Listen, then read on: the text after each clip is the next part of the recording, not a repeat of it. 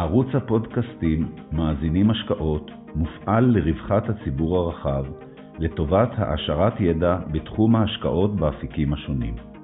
יוזמת ומפעילת הערוץ הינה חברת פיננסים ניהול הון פרטי בע"מ, העוסקת בייעוץ השקעות. מנחה הפודקאסטים הינו דוקטור איתי גלילי, מנכ"ל החברה. אהלן אייל. שלום איתי. תודה רבה שאתה מצטרף לפודקאסט. תודה רבה על האפשרות להתארח אה, בשנית אצלך בפודקאסט. כן, אנחנו פעם אחרונה שאנחנו אה, שוחחנו בפודקאסט היה בסביבות אה, לפני שנה וחצי בערך. נכון. והיום אנחנו הולכים לדבר על תחום אחר בעקבות איזשהו סיכום וניתוח שעשית על הענף של האשראי החוץ-בנקאי. הכותרת של הפרסום שלך נקרא המהפכה השקטה. שעוד מעט אנחנו נרד לדיטלס ונדבר. אבל לטובת אלה שלא שמעו את הפודקאסט הקודם, בוא תספר קצת על הניסיון שלך ופעילותך ושיכירו. בסדר גמור, בסדר גמור. אז ענפה קפיטל היא קרן גידור שפועלת כבר כחמש שנים. אמ, המטרה של ענפה היא הסעת תשואה משביעת רצון, תוך חשיפה לרמת סיכון סבירה. את זה אנחנו עושים באמצעות השקעות ערך, אנחנו עוסקים במחקר פונדמנטלי ארוך של תעשיות וחברות שנראות לנו אה, בעלות פוטנציאל. אמ, ההטייה אה, שלי היא ל micro-cap, לחברות בעלות שווי שוק קטן, זה בארץ אולי פחות מ-300 מיליון אה, שקל, בחו"ל קצת יותר גדול, אבל עדיין קטן. תיק טיפוסי מורכב מ-75% חשיפה ל micro-cap ישראליות ועוד 25% micro-cap גלובליות ועוד רעיונות בחו"ל. ברקע האישי שלי, אני בא מרקע קצת פחות סטנדרטי לאדם שעוסק אה, בניהול השקעות. אה, טרם השקת אה, הקרן, מנכ"לתי חברות בעולמות של תעסוקה. שימשתי כמנכ"ל של חברת כוח אדם, שימשתי כמנכ"ל של מכון לאבחון תעסוקתי.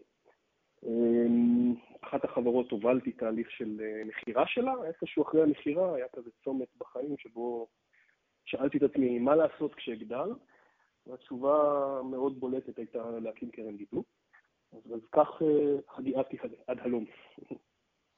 אז נגיד ברקע שיש לך גם אה, בלוג שאתה... נכון, נכון, נכון. מפרסם אה, פרסומים שלך? כן. נכון, בלוג ההשקעות מתחת לרדאר. כחלק מהבלוג, בשנים האחרונות אני מפרסם סקירה רבעונית של ענף האשראי החוץ-בנקאי. אני חושב שזה ענף מעניין. לא מובן עד הסוף על ידי ציבור המשקיעים לדעתי. אה, ענף גם עם פוטנציאל, אה, ובאמת אה, לאחרונה הסתיימו פרסום הדוחות השנתיים של 2021. הדוח השנתי כולל עוד רמות של מידע שחשוב להכיר ולעבור עליהן, ולאחרונה פרסמתי סקירה באמת שעוסקת במה ש... אני לא טבעתי את המונח, כן, טבע את זה מנהל בענף, אבל מה שאני קורא לו המהפכה השקטה. אז, אז קודם כל, מאחר והסקטור הזה צמח בצורה מאוד משמעותית, בפרט ב... השנתיים האחרונות, אז בואו קודם כל נעשה סדר מה זה כולל. בסדר. מי כרגע נמצא על המפה של התחום הזה? בסדר, בסדר גמור. אה, באמת צמח גם בהיקף תיק האשראי וגם בכמות החברות שפועלות אה, בסקטור. אה, אז קודם כל, מה זה אשראי חוץ-בנקאי? כן, זה, זה כשמו כן הוא. זהו אשראי שנוצר על ידי גופים שאינם בנקים. בסוף שנת 2021 בישראל פעלו 23 חברות. עם תיק אשראי בהיקף של 14 מיליארד אה, שקל. אה, חלק מהם הם גופים שעוסקים באשראי צרכני. אני, בסקירות שאני מפרסם בבלוג, אה, אני ממוקד בגופים אשר עוסקים באשראי עסקי. הסקירה שלי מכסה 18 חברות בתחום. אני תכף אגע אולי בתת חלוקה שאני עושה בבלוג, אבל חשוב מאוד להגיד בנקודה הזאת משהו על האנומליה שהיא שוק האשראי הישראלי. אה, המבנה של שוק האשראי בישראל הוא, הוא, הוא שונה מכלכלות מפותחות אחרות. הטענה היא שברחבי העולם רואים נתח שוק של אשראי חוץ-בנקאי בהיקפים של 30 אולי אפילו 40 משוק האשראי. בארץ מוערך כ-95 מהאשראי אה, לפרטיים, לאנשים פרטיים, וגם לעסקים קטנים בינוניים, מגיע מהמערכת הבנקאית. אה, אם צריך לכמת את זה בנתונים, אז האשראי העסקי מהבנקים עמד בסוף 2021 על קצת מעל אה, אה, לחצי טריליון אה, שקל. אז זה ככה ממש מלמעלה. מה מסביר את זה? מה המגבלה העיקרית לפי דעתך? ההתפתחות ההיסטורית של מדינת ישראל, ומה שבעצם מייצר את הדינמיקה הזאת שהזכרת, שבה פתאום יש 23 חברות בתחום, לא היו לפני שנתיים כזאת כמות, היא דינמיקה של רגולציה. בעצם בשנים 2015-2017, הרגולטור הרלוונטי, שזה רשות שוק ההון, אה, ביטוח וחיסכון, עסק בארגון מחדש של הרגולציה הישראלית שנוגעת לאשראי. חלק מזה זה חוק שנוגע בעיקר לאשראי לאנשים פרטיים, שנקרא חוק אשראי הוגן. אה, חלק זה שינוי הרגולציה הנוכחית באשראי החוץ-בנקאי. והרגולטור בעצם שם לב לאותה אנומליה שתיארתי. אם 95% מהאשראי בישראל מופק על ידי הבנקים, והמערכת הבנקאית עצמה היא ריכוזית, אנחנו יודעים שיש לנו חמישה בנקים גדולים, אם אני לא טועה, שני הבנקים הכי גדולים זה סדר גודל של 50% מכלל המערכת הבנקאית. אז יש לך פה בעצם סיכון, שאפשר להגדיר אותו כסיכון סיסטמי למערכת. אז הרגולטור, זה הפרשנות שלי, כן? יכול להיות שאדם אה, שעובד ברגולטור או רגולציה או מישהו מהענף יראה את זה אחרת, אבל הרגולטור בעצם רוצה לתקן את זה. ומ-2015, מ-2017, סליחה, אה, נוצר, נוצר סט חוקים רגולטוריים חדשים לענף, שחלק ממנו אה, כולל בעצם אה, דרישות של הון, דרישות של ציוד, של אכיפה, של, של צורת עבודה, דיווחים, והתוצר לוואי של זה, מחד, צמצום של כמות השחקנים שפועלים בענף, מוערך שטרם החלת הרגולציה פעלו בענף כ-2,500 גופים, כן, קוראים לזה נש"מים, כן, נותני שירותי מטבע. אמ, ההערכה היא שבעתיד אנחנו נהיה עם כמה מאות, אולי אפילו כמה פחות. הגופים הקטנים-בינוניים שכבר לא יכולים, אין להם מסה קריטית בשביל להתמודד אה, כלכלית עם הרגולציה יוצאים. יש גם קושי מאוד גדול לקבל רישיון חדש, באיזשהו מקום נוצר חסם כניסה, ובמקביל, אה, החברות שנכנסות לבורסה בתל אביב, הן בעצם פועלות לפי כזה מין playbook כזה, הם כולם עשו את אותו דבר. הם, משכו, הם הנפיקו מניות, קיבלו הון לחברה, מאפשר להם לצמוח. הם אה, התחילו לשפר את המסגרות האשראי הבנקאיות שלהם, הם מקבלים עכשיו מקורות הון יותר זולים.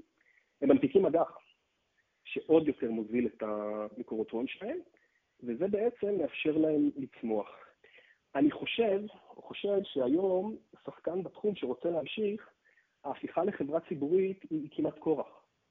אה, ומי שלא יעשה את זה, ואין לו בעל בית חזק ש- ש- שיכול אה, לייצר לו מקורות הון אה, אטרקטיביים וזולים, ימצא את עצמו בבעיה ויתקשה להתחרות. הוא יתקשה לגייס את ההון הדרוש. כן, הוא לא, כן, להבנתי הבנקים לא כל כך ששים לתת אשראי לחברות, היום לחברות אשראי חוץ-בנקאי פרטיות, וגם אין לך את האפיק הזה של האג"ח, שמייצר לך את, את, את האפשרות לקבל אה, מקורות הון זולים. בעצם החברות הללו, כשהן היו פרטיות, אני מדבר על החברות, צריך, אנחנו ככה, צריך לתת סקירה אולי של המבנה של הענף, אבל תכף ניתן את זה, רק אה, החברה הטיפוסית שנכנסת לבורסה בתל אביב, בתל אביב היא חברה שעוסקת במוצר מאוד פשוט, שנקרא ניקיון צ'קים. ניקיון צ'קים זה פתרון אה, למימון ביניים. פלוני עשה, לא פלוני, חברה עשתה עבודה עבור חברה אחרת, קיבלה צ'ק לעוד חודשיים, אה, יש לה עכשיו הון חוזר שאולי רוצה להשתמש בו לפרויקט אחר, ומוצר יחסית פשוט, החברות הללו היו מתממנות כחברות פרטיות בריביות גבוהות יחסית, 8, 9, 10 אחוזים, פתאום הן יכולות דרך הבורסה להוריד את עלות ההון שלהן ל-4 אחוזים, 5 אחוזים, רק מזה מייצרות אה, הרבה מאוד ערך. אז אם אני ככה חוזר לנושא של הרגולציה, אני חושב שהרגולציה דוחקת חברות לבורסה ומקטינה את כמות השחקנים, היא יוצרת מצג שבו נראה שיש הרבה יותר חברות בתחום, הרבה יותר תחרות, אבל בפועל כנראה, ככה אני מעריך, מה שקורה, ש, שכמות השחקנים בעצם אה, קטנה, ומי שחושב, מסתכל שנתיים קדימה, מנסה להיכנס לבורסה כדי, כדי שהוא יוכל להתחרות עם, עם, עם גופים אחרים שיישארו בענף. אז בוא, בוא, לפני שנרד לסיגמנטים, בוא, מי החברות העיקריות? מה, מה רשימת החברות שאתה עוקב אחריהן? אז אני שוב אדגיש, אני מתעניין בעיקר במי שעוסק באשראי עסקי, אמ, ובעצם אני מחלק בסקירה בבלוג את, יקום החברות באשראי החוץ-בנקאי לשלושה סגמנטים, שלוש נישות. הנישה הראשונה היא נישה של חברות עם תיקי אשראי מעל מיליארד ש"ח, דוגמה לכך זה אחים נאווי, שהייתה חלוצת החברות הציבוריות באשראי החוץ-בנקאי, נפתחה ב-2011. עוד דוגמה זה חברה כמו פנינסולה. מה שמאפיין את החברות הללו זה שהן בשלות, הן בעלות תיקי אשראי גדולים, מגוון רחב יחסית של מוצרי אשראי. מח"מ של התיק הוא יחסית שנה, שנתיים, סדר גודל כזה, לפעמים טיפה יותר. התשואה שהן עושות על תיק האשראי שלהן, כן, ה-IRR על התיק, חד ספרתי גבוה. זו קבוצה אחת. קבוצה נוספת היא קבוצה של שחקנים שמתמחים בהשלמת הון עצמי ליזמים בעולם הבנייה, מה שנקרא מימון מזנין. חברה בולטת בענף היא מניף. מה שמאפיין את הקבוצה הזאת זה תיקים עם מח"מ של כמה שנים, כן, מלווים הרי לפרויקטים של בנייה. IRR דו-ספרתי נמוך על תיק האשראי, אולי 10%, 11%, 12%. והכוח המרכזי שפועל על הסגמנט הזה זה כמובן היקף התחלות הבנייה בישראל, היקף פרויקטי הנדל"ן בארץ. הסגמנט השלישי, שהוא לדעתי הכי מעניין, זה סגמנט שאני קורא לו פתרונות מימון ביניים. חברות בולטות בענף זה שוהם, מלר"ן, בול מסחר, יש עוד כמה. אלה חברות שמסוגלות לייצר על התיק שלהן IRR גבוה של דו-ספרתי, אתה יודע, מדו-ספרתי נמוך של 13%, 14%, חלקן עושות גם 18%, 19%. המח"מ מאוד קצר. רוב החברות בענף, מה שהן עושות זה את אותו שירות של ניכיון צ'קים, חלק גם עושות הלוואות מגובות נדל"ן, וגם עם מח"מים יחסית קצרים. ורואים צמיחה, בכל הענף רואים צמיחה מאוד חזקה, אבל בסגמנט הזה של המימון ביניים, אני חושב שרואים צמיחה מאוד עוד יותר חזקה. אז אלה בגדול השחקנים, וככה אני מחלק אותם. מה מסביר את ה-IRR הכל כך גבוה שאתה מתייחס אליו? נכון, זו שאלה מצוינת, וזו גם שאלה שכשמדברים עם משקיעים אחרים, אז לפעמים אומרים, רגע, מה זה פה לקחת תיק אשראי שעושה 18% בשנה? זה מסוכן, מי בכלל מוכן לקחת אשראי בתנאים האלה? ולכל דאגות קונקרטיות ולגיטימיות. בואו ננסה לעשות כזה מין case study מומצא, ונבין איך נראית עסקה אחת בודדת כזאת, ובואו נראה אם אפשר לחלץ מזה משמעויות. נניח חברה בשם דני עבודות גובה ועבודות גבס, הוא קבלן כזה שפועל בעולם הנדל"ן, הוא עושה עכשיו עבודה לקבלן גדול, הוא בפרויקט שימשך תקופה, והגיע סוף החודש, אמרו לו תודה רבה, אישרו לו חשבונית, נתנו לו צ'ק, לעוד חודשיים, שוטף פלוס 60, כאילו 200,000 שקל, אוקיי? עכשיו, אותו דני בשוטף, בשגרה, יכול לנהל כמה פרויקטים, יש לו מספיק הון עצמי. הכוחות שפועלים עליו מבחינת תזרימית, זה הצורך לשלם לעובדים על פי חוק עד התשיעי לחודש, זה צורך לשלם מע"מ ב-15 לחודש, ואתה יודע, בשוטף הוא צריך לממן את הציוד שיש לו, ציוד הנדסי, מכונות, חומרי גלם.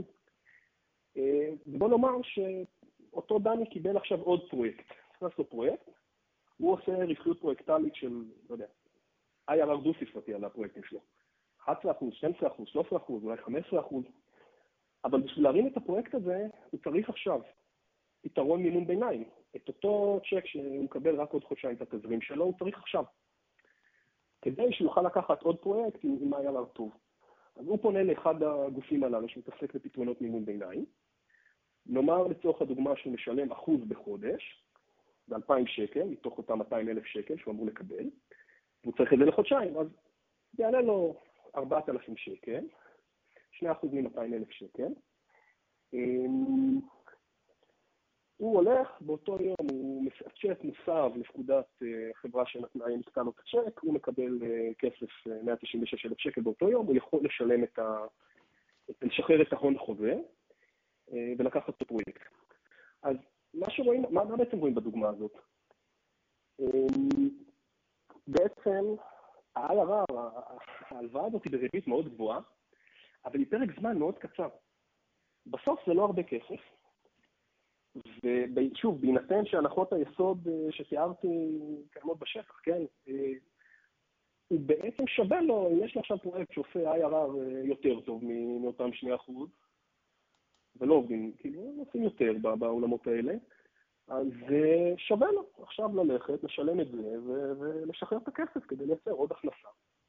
הרבה פעמים אני, אני, לא דוגמה שלי, אבל אני הכנסתי אותה, אה, אני משווה את זה ללקנות חלב, או במכולת, אה, בסופר, לא יודע, או, ב, או בקיוסק. החלב ב-10 בלילה, פתאום חמור, צריך חלב לקפה מחר, אפשר להתחיל לנסוע, לחפש מכולת פתוחה, או שאפשר ללכת לקיוסק. ב...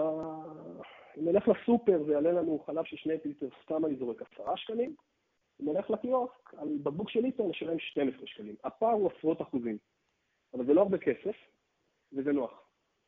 וזה פשוט, וזה חוסך תור. אז אתה מבין, ככה אני, אני מסתכל על נושא הריביות בענף ה-IRR שהתיקים הללו מייצרים. זאת אומרת, מבחינתם זה עסקאות קטנות ושווה להם אה, לקבל נזילות מהירה. אבל זה כן, לא משהו שיכול לעבוד בהרבה כסף על מימון לטווח ארוך. כן, עכשיו, כשאני אומר את זה ואני מתאר לך את המצב הזה, אז, אז אני קצת ככה נשאל על ההיסטוריה האישית שלי, אה, בימיי כמנכ"ל של חברת כוח אדם. אה, זה בדיוק זה. חברת כוח אדם מעסיקה עובדים, מגייסת אותם לפרויקטים, מעסיקה אותם אצל הזולת, שלמת משכורת, שלמת מע"מ, גובה מהלקוחות של השוטף 60, לפעמים יותר, תקווה פחות. וזה בדיוק אותו, אותה דילמה. אני, היו לי לאורך השנה נקודות שבהן לא יכולתי לקחת פרויקטים, נגיד, שהיו נכנסים, שהיו יכולים להיות מאוד רווחיים, כי לא היה לי תזרים לשרת אותם. וחברה עם מטה, עם CFO, אחד התפקידים המרכזיים של CFO היה לבנות תזרים מזומנים חזוי ברמה יומית, כדי שלא ניכנס לבורות ב-9 לחודש, ב-15 לחודש, תשלום משכורות מחר, וכדי שנדע מה היכולת שלנו לקחת עוד פרויקטים. אז זו דילמה עסקית די שגרתית, הם עוזרים לפתור את זה. אני מניח שיש גם עסקים שלא יודעים להתנהל, ואז הם, הם יש להם, אתה יודע, זה, הם פשוט לא מתנהלים כלכלית. אבל בפרמטרים של הדוגמה שתיארתי, אה, זה המשמעות של התיקי אשראי האלה. אוקיי, okay, אז עכשיו אנחנו, זאת אומרת, יש לנו את הקטגוריות, ו... ועכשיו אתה בוחן את ההתפתחות של הקטגוריות האלה על פי רבעונים. נכון, אני, אני בעצם אה, מסתכל כל רבעון, אנחנו אה, מכפילים, אתה יודע, די מקובלים בעולם הניתוח הפונדמנטלי, תשואה על ההון, מכפיל הון, מכפיל רווח, כן? המכפיל רווח הוא ה... לפי הרבעון האחרון, בגלל שאלה חברות שצומחות. עכשיו, אה, ואני גם מסתכל על המגמות של ה-IRR על התיק, על התשואה על התיק. אה, וזה נוגע לליבת התזה, ולמה אני חושב שבעולם הזה של פתרונות מימון הביניים יש חברות מאוד מעניינות. אה, בעצם, הממוצע של הרבעון האחרון, הצמיחה של התיק, צמיחה בין רבעון 3, 2000, 21 ברבעון 4 2021, הממוצעת היא 20 אחוז, 20.3 אחוז. אה, וזה ככה נראה רוב השנה האחרונה. בעצם יש לך פה חברות שהנכס המרכזי שלהם, הנכס איתו מייצרות הכנסות, הוא תיק האשראי. זה צומח בקטע של עשרות אחוזים, אפילו הכפלה בשנה. אה, החברות הללו מתומחרות ברובם סביב אה, מכפיל 10, 11 על הרבעון לוקחים את הרבעון הרביעי כרבעון מייצג, אבל אם עושים קצת חישובים לא מורכבים מדי, כמה, מה כנראה יהיה גודל התיק בסוף השנה ומה יהיה כוח הרווח, החברות הללו מתומחרות אה, במכפיל רווח חד-ספרתי. אז בעצם יש לך חברות שהן חברות צמיחה לכל דבר, כלומר, הנכס שמייצר הכנסות צומח בקצב מאוד מאוד מאוד בריא. הן רווחיות היום, והן כנראה נסחרות במכפיל רווח צנוע על הרווחים העתידיים שלהן. הניסיון שלי זה בדרך כלל מתכון ליצירת אה, תשואה משביעת רצון. עכשיו, כמה, שתי שאלות. אחת, מה אתה רואה שקורה לחובות האבודים או הפרשות? עד כמה הפרשות לחובות אבודים, המדיניות שם היא קפדנית? שאלה מעולה, מעולה מעולה. והדבר השני שמעניין זה מה אתה חושב לגבי היכולת של החברות האלה, הרבה מהן הן אה, ותיקות, אבל חלקן הן חברות צעירות, מה הניסיון שלהן במידה ואנחנו ניכנס להאטה כלכלית או מיתון בשנים הבאות? עד כמה הן ערוכות כמו בנקים לגבות באמת הבטוחות? בוא נדבר שנייה על, אה, על החובות האבודים. כמה, אתה, אתה בא עם רקע מימוני נרחב, כמה, סתם באינטואיציה, כמה נראה לך חובות מסופקים בגוף כזה צריכים להיות? אז זה תלוי באיזה סיגמנט. מימון הביניים, מה שתיארתי לך. אני מניח שצריך כמה אחוזים בודדים. אוקיי, כמה אחוזים בודדים. אז אה, אני באחת השיחות הראשונות, שזה היה ב-2018 עם מנהל בענף, דיברתי איתו על חובות מסופקים, הוא שאל אותי את אותה שאלה, אמר תגיד לי אתה, בעצם תגיד לי אתה שם עם המשקפיים, הדוחות, כמה אתה חושב אנחנו, גוף כמונו, צריך לעשות אה, חובות מסופקים? אמרתי לו אחוז, מסתכל עליי במבט אה, מזועזע עמוקות. רוב החברות, השיעור ההפרשה שלהן בסגמנט מימון הביניים, מעכשיו אני אדבר רק על מימון הביניים, מפרישים בין 0.5% ל-0.75%. צריך לזכור, ש... או לא לזכור, לדעת, צריך להגיד את זה, בחלק גדול, מה... אחד המאפיינים של החברות האלה, שרובן מנוהלות על ידי owner operators. המנכ"ל, ברוב המקרים, הוא בעל מניות הכי גדול בחברה, וגם ההחזקה בחברה היא, היא רוב, ה, אתה יודע, זה הנכס הכי מהותי להון העצמי שלו, מה שנקרא skin in the game. אמ, ברגע שהם אה, מבצעים חיתום לא נאות, לא מקצועי, והכסף לא חוזר, הם קודם כל, בראש ובראשונה, פוגעים בהון העצמי שלהם. אמ, זה לא מבטיח ש, שלא יהיו תקלות, יש שם חובות אבודים, יש שם הסתבכויות, וחלק מהעבודה שם זה, זה לגבות, אה, אתה יודע, גופים שעשו דיפולט, אבל זה שזה הכסף של בעל השליטה, זה גם מבטיח שכל עוד הם מיומנים ומוכשרים, רובם כאלה, הם, אה, הם יעשו את המלחמה הנדרשת על מנת לגבות את מה שמגיע להם. אז זה, זו החשיבה שלי על, ה, על חובות האבודים. עכשיו דיברת, דיברת על מיתון, נכון? על מה קורה כן. במיתון. זה, אין ספק, זו, זו אחת השאלות. אה, אני מסתכל על זה בכמה רמות. אה, דבר ראשון אמרת, אלה לא, חלק מהחברות הללו הן לא חברות חדשות. האחים נאווי כנראה, יכול להיות שאני טועה, אבל כנראה פועלים משנות ה-70. יש עוד חברות ציבוריות שיש להן היסטוריה של עשרות שנים. אה, גיבוי החזקות, השורשים ההיסטוריים שלהם בפעילות של, התחילה בשנות ה-80. אה, מלר"ן, שהזכרתי מקודם, חברה שהנישה שלה היא המגזר הערבי-ישראלי, הוקמה ב-2009 בעקבות, אה, אה, בעקבות Great Financial Crisis, כן, המשבר של 2008. החברות הללו פועלות הרבה שנים, חלק מהן ממש ראו את משבר הבנקים של 87, את משבר הדוט קום, את 2008, וצלחו אותו. אני כן יודע שיש חברות שב-2008-2009 לא שרדו בענף, חברות פרטיות, לא יודע את הפרטים, אבל אני יודע שיש כאלה. זה, זה סיכון, בהחלט זה סיכון. אמ, אני, אני מסתכל על זה ככה, היה לנו ב-2020 אה, תרגיל רטוב נהדר למה קורה במיתון. היינו שני רבעונים אה, עם התקבצות, טכנית זה מיתון, נכון? כן. לא ידענו שזה יהיה בצורת V, שזה ירד למטה ונעלה מהר.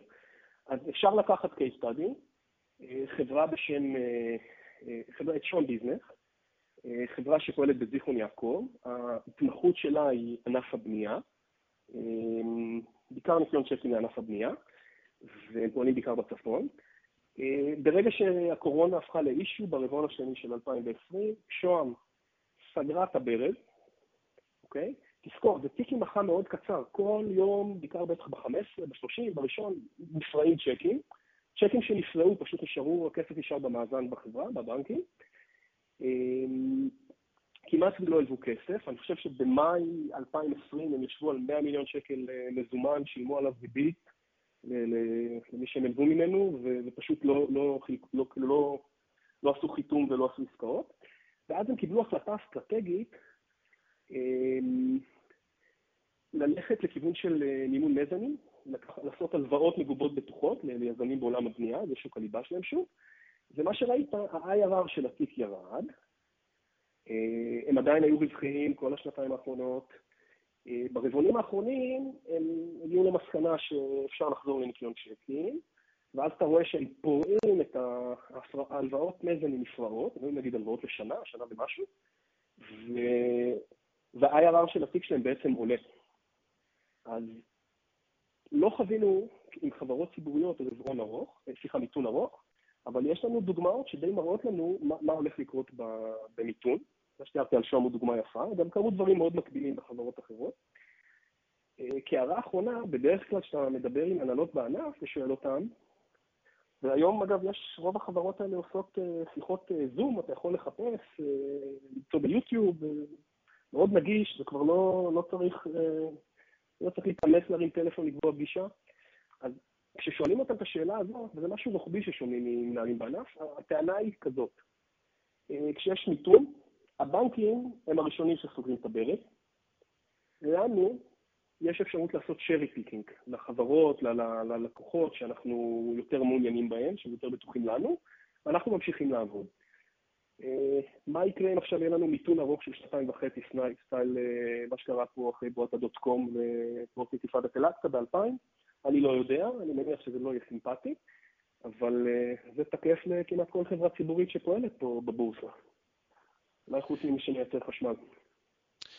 למה אתה קורא המהפכה השקטה? כן, זה ביטוי שבעצם מי שהיה ב... למדתי את זה מרונן בכור, שהוא בעל השליטה בחברה שנקראת בול, שהפכה לציבורית מזמן, ובשיחת זום שהם עשו לקראת הנפקת האג"ח שלהם, הוא, הוא נתן סקירה של השוק, והטענה היא בעצם כזו, הענף עד לפני כמה שנים, אז זה אני אומר במילים שלי, כן? היה נתפס כשוק אפור, נגוע בעבריינות, בדברים אפלים. זה כמובן אחת הסיבות שהרגולטור החליט להיכנס בעובי הקורה ו... ולנקות שחקנים ש... שלא היו גופים עסקיים פרופר שיכלו לעמוד ברגולציה, כדי לייצר ענף שיתחרה בבנקים. אז מה שקרה, הכניסה של החברות לבורסה הוזילה להם משמעותית את מקורות האשראי. ובעצם היום, כנראה, אני משער שאם נפתח את הספרים של החברות הגדולות בענף ונראה למי נותנים הלוואות, הלוואות גישור, הלוואות מגובות בטוחות, הלוואות כנגד הון חוזר, זה לחברות הכי גדולות במשק, כולל חברות שנסחרות בתל אביב 125. בעצם אם אתה אפילו אם אתה חברה בתל אביב 125, ופתאום צץ לך מין צורך כזה של אתה צריך עוד תזרים, אפילו לתקופה. אותו דבר, פרויקט, משהו. מהבנקים קשה לקבל את השירות, אני חושב שזה תהליך, זה בירוקרטיה. הבנקים הפכו לגופים יותר מסורבלים לאורך שנים. חברות אשראי חוץ-בנקאי, אתה בגדול תוך יום יכול לראות את הכסף. אז המהפכה השקטה היא שהיום בעצם אשראי חוץ-בנקאי נותן מענה להרבה יותר סגמנטים בשוק. זה פותח את השוק, זה מרחיב אותו ומאפשר כניסה של עוד ועוד גופים ועוד ועוד אשראי בעצם שעובר מהבנקים לאשראי החוץ-בנקאי. עכשיו, אם אני גוזר את התופעה הזאת לתופעה של, לסגמנט של מימון הביניים, אז פה זה כבר עסקים שהם, אתה יודע, small medium business. שוב, הסניפי בנק מאוד ריכוזיים. הם לא מקבלים החלטות, הם מקבלים החלטות במרחבים, הסמכויות שלהם מאוד הצטמצמו, אני חושב, בשנים האחרונות. גם פיזית מצטמצמים כמות הסניפים נכון, בצורה מהירה נכון, ביותר. אתה צודק, אתה צודק, יש פחות סניפים, ואתה יודע, לפעמים עסק קטן לא יודע לדבר את השפה של הבנק, לא יודע איך להתנהל איתו בשפה של תזרים, של מאזן. הבעיה הזאת הרבה יותר מורגשת במגזר הערבי, ישראלי, במגזר החרדי. אז, אז פה באיזשהו ספר נכנסות חברות האשראי החוץ-בנקאי. אני גם שמעתי את זה מכמה מקורות בענף, אני לא יודע, שמעתי את זה מהסמנכ"ל, אבל שבאיזשהו מקום חלק מהבנקים קצת ויתרו. הרבה יותר נוח להם לתת מסגרות אשראי לכזאת מלר"ן או לשוהם, שהם יעשו את החיתום לעסקים הקטנים, הבנק יגבה את הריביות שלו, שוהם ומלרן כתבו את הריביות שלהם. כי הערה נוספת על הנושא הזה, תרגיל שאני ממליץ לכולם, אני עשיתי אותו כמה בשנים האחרונות, זה פשוט לקבוע פגישה במחלקה המסחרית, בבנק בשכונה, בבנק שלך, ולהגיד, שלום, באתי, יש לי צ'ק, עשיתי עכשיו שירות ייעוץ למישהו, אני רוצה לנקות אותו, לראות את התהליך, כמה הסניף לא מיומן ולא, ולא ה-DNA של מה שהם עושים. שאלה אחרונה שיש לי אליך זה בנוגע לסגמנט של המימון כנגד נדל"ן על המזנין. כן.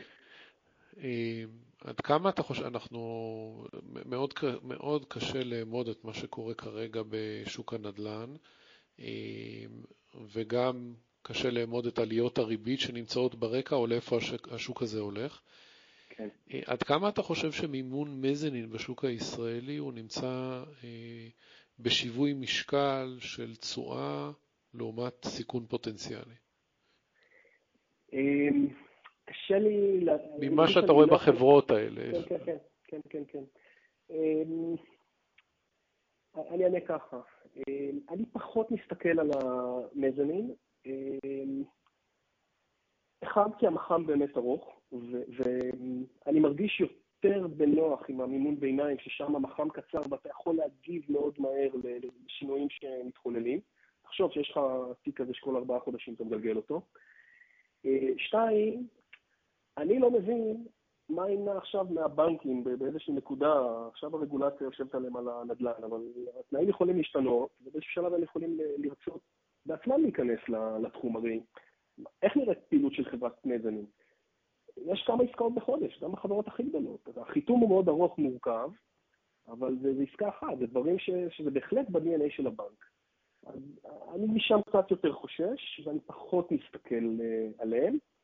Um, אחד. מאידך, כולנו מבינים שחייבים לבנות פה, אחרת uh, עוד פעם נקבל פה uh, מחאה פוליטית סטייל 2011, ויש פה בעיות מאוד קשות בשוק הנדל"ן.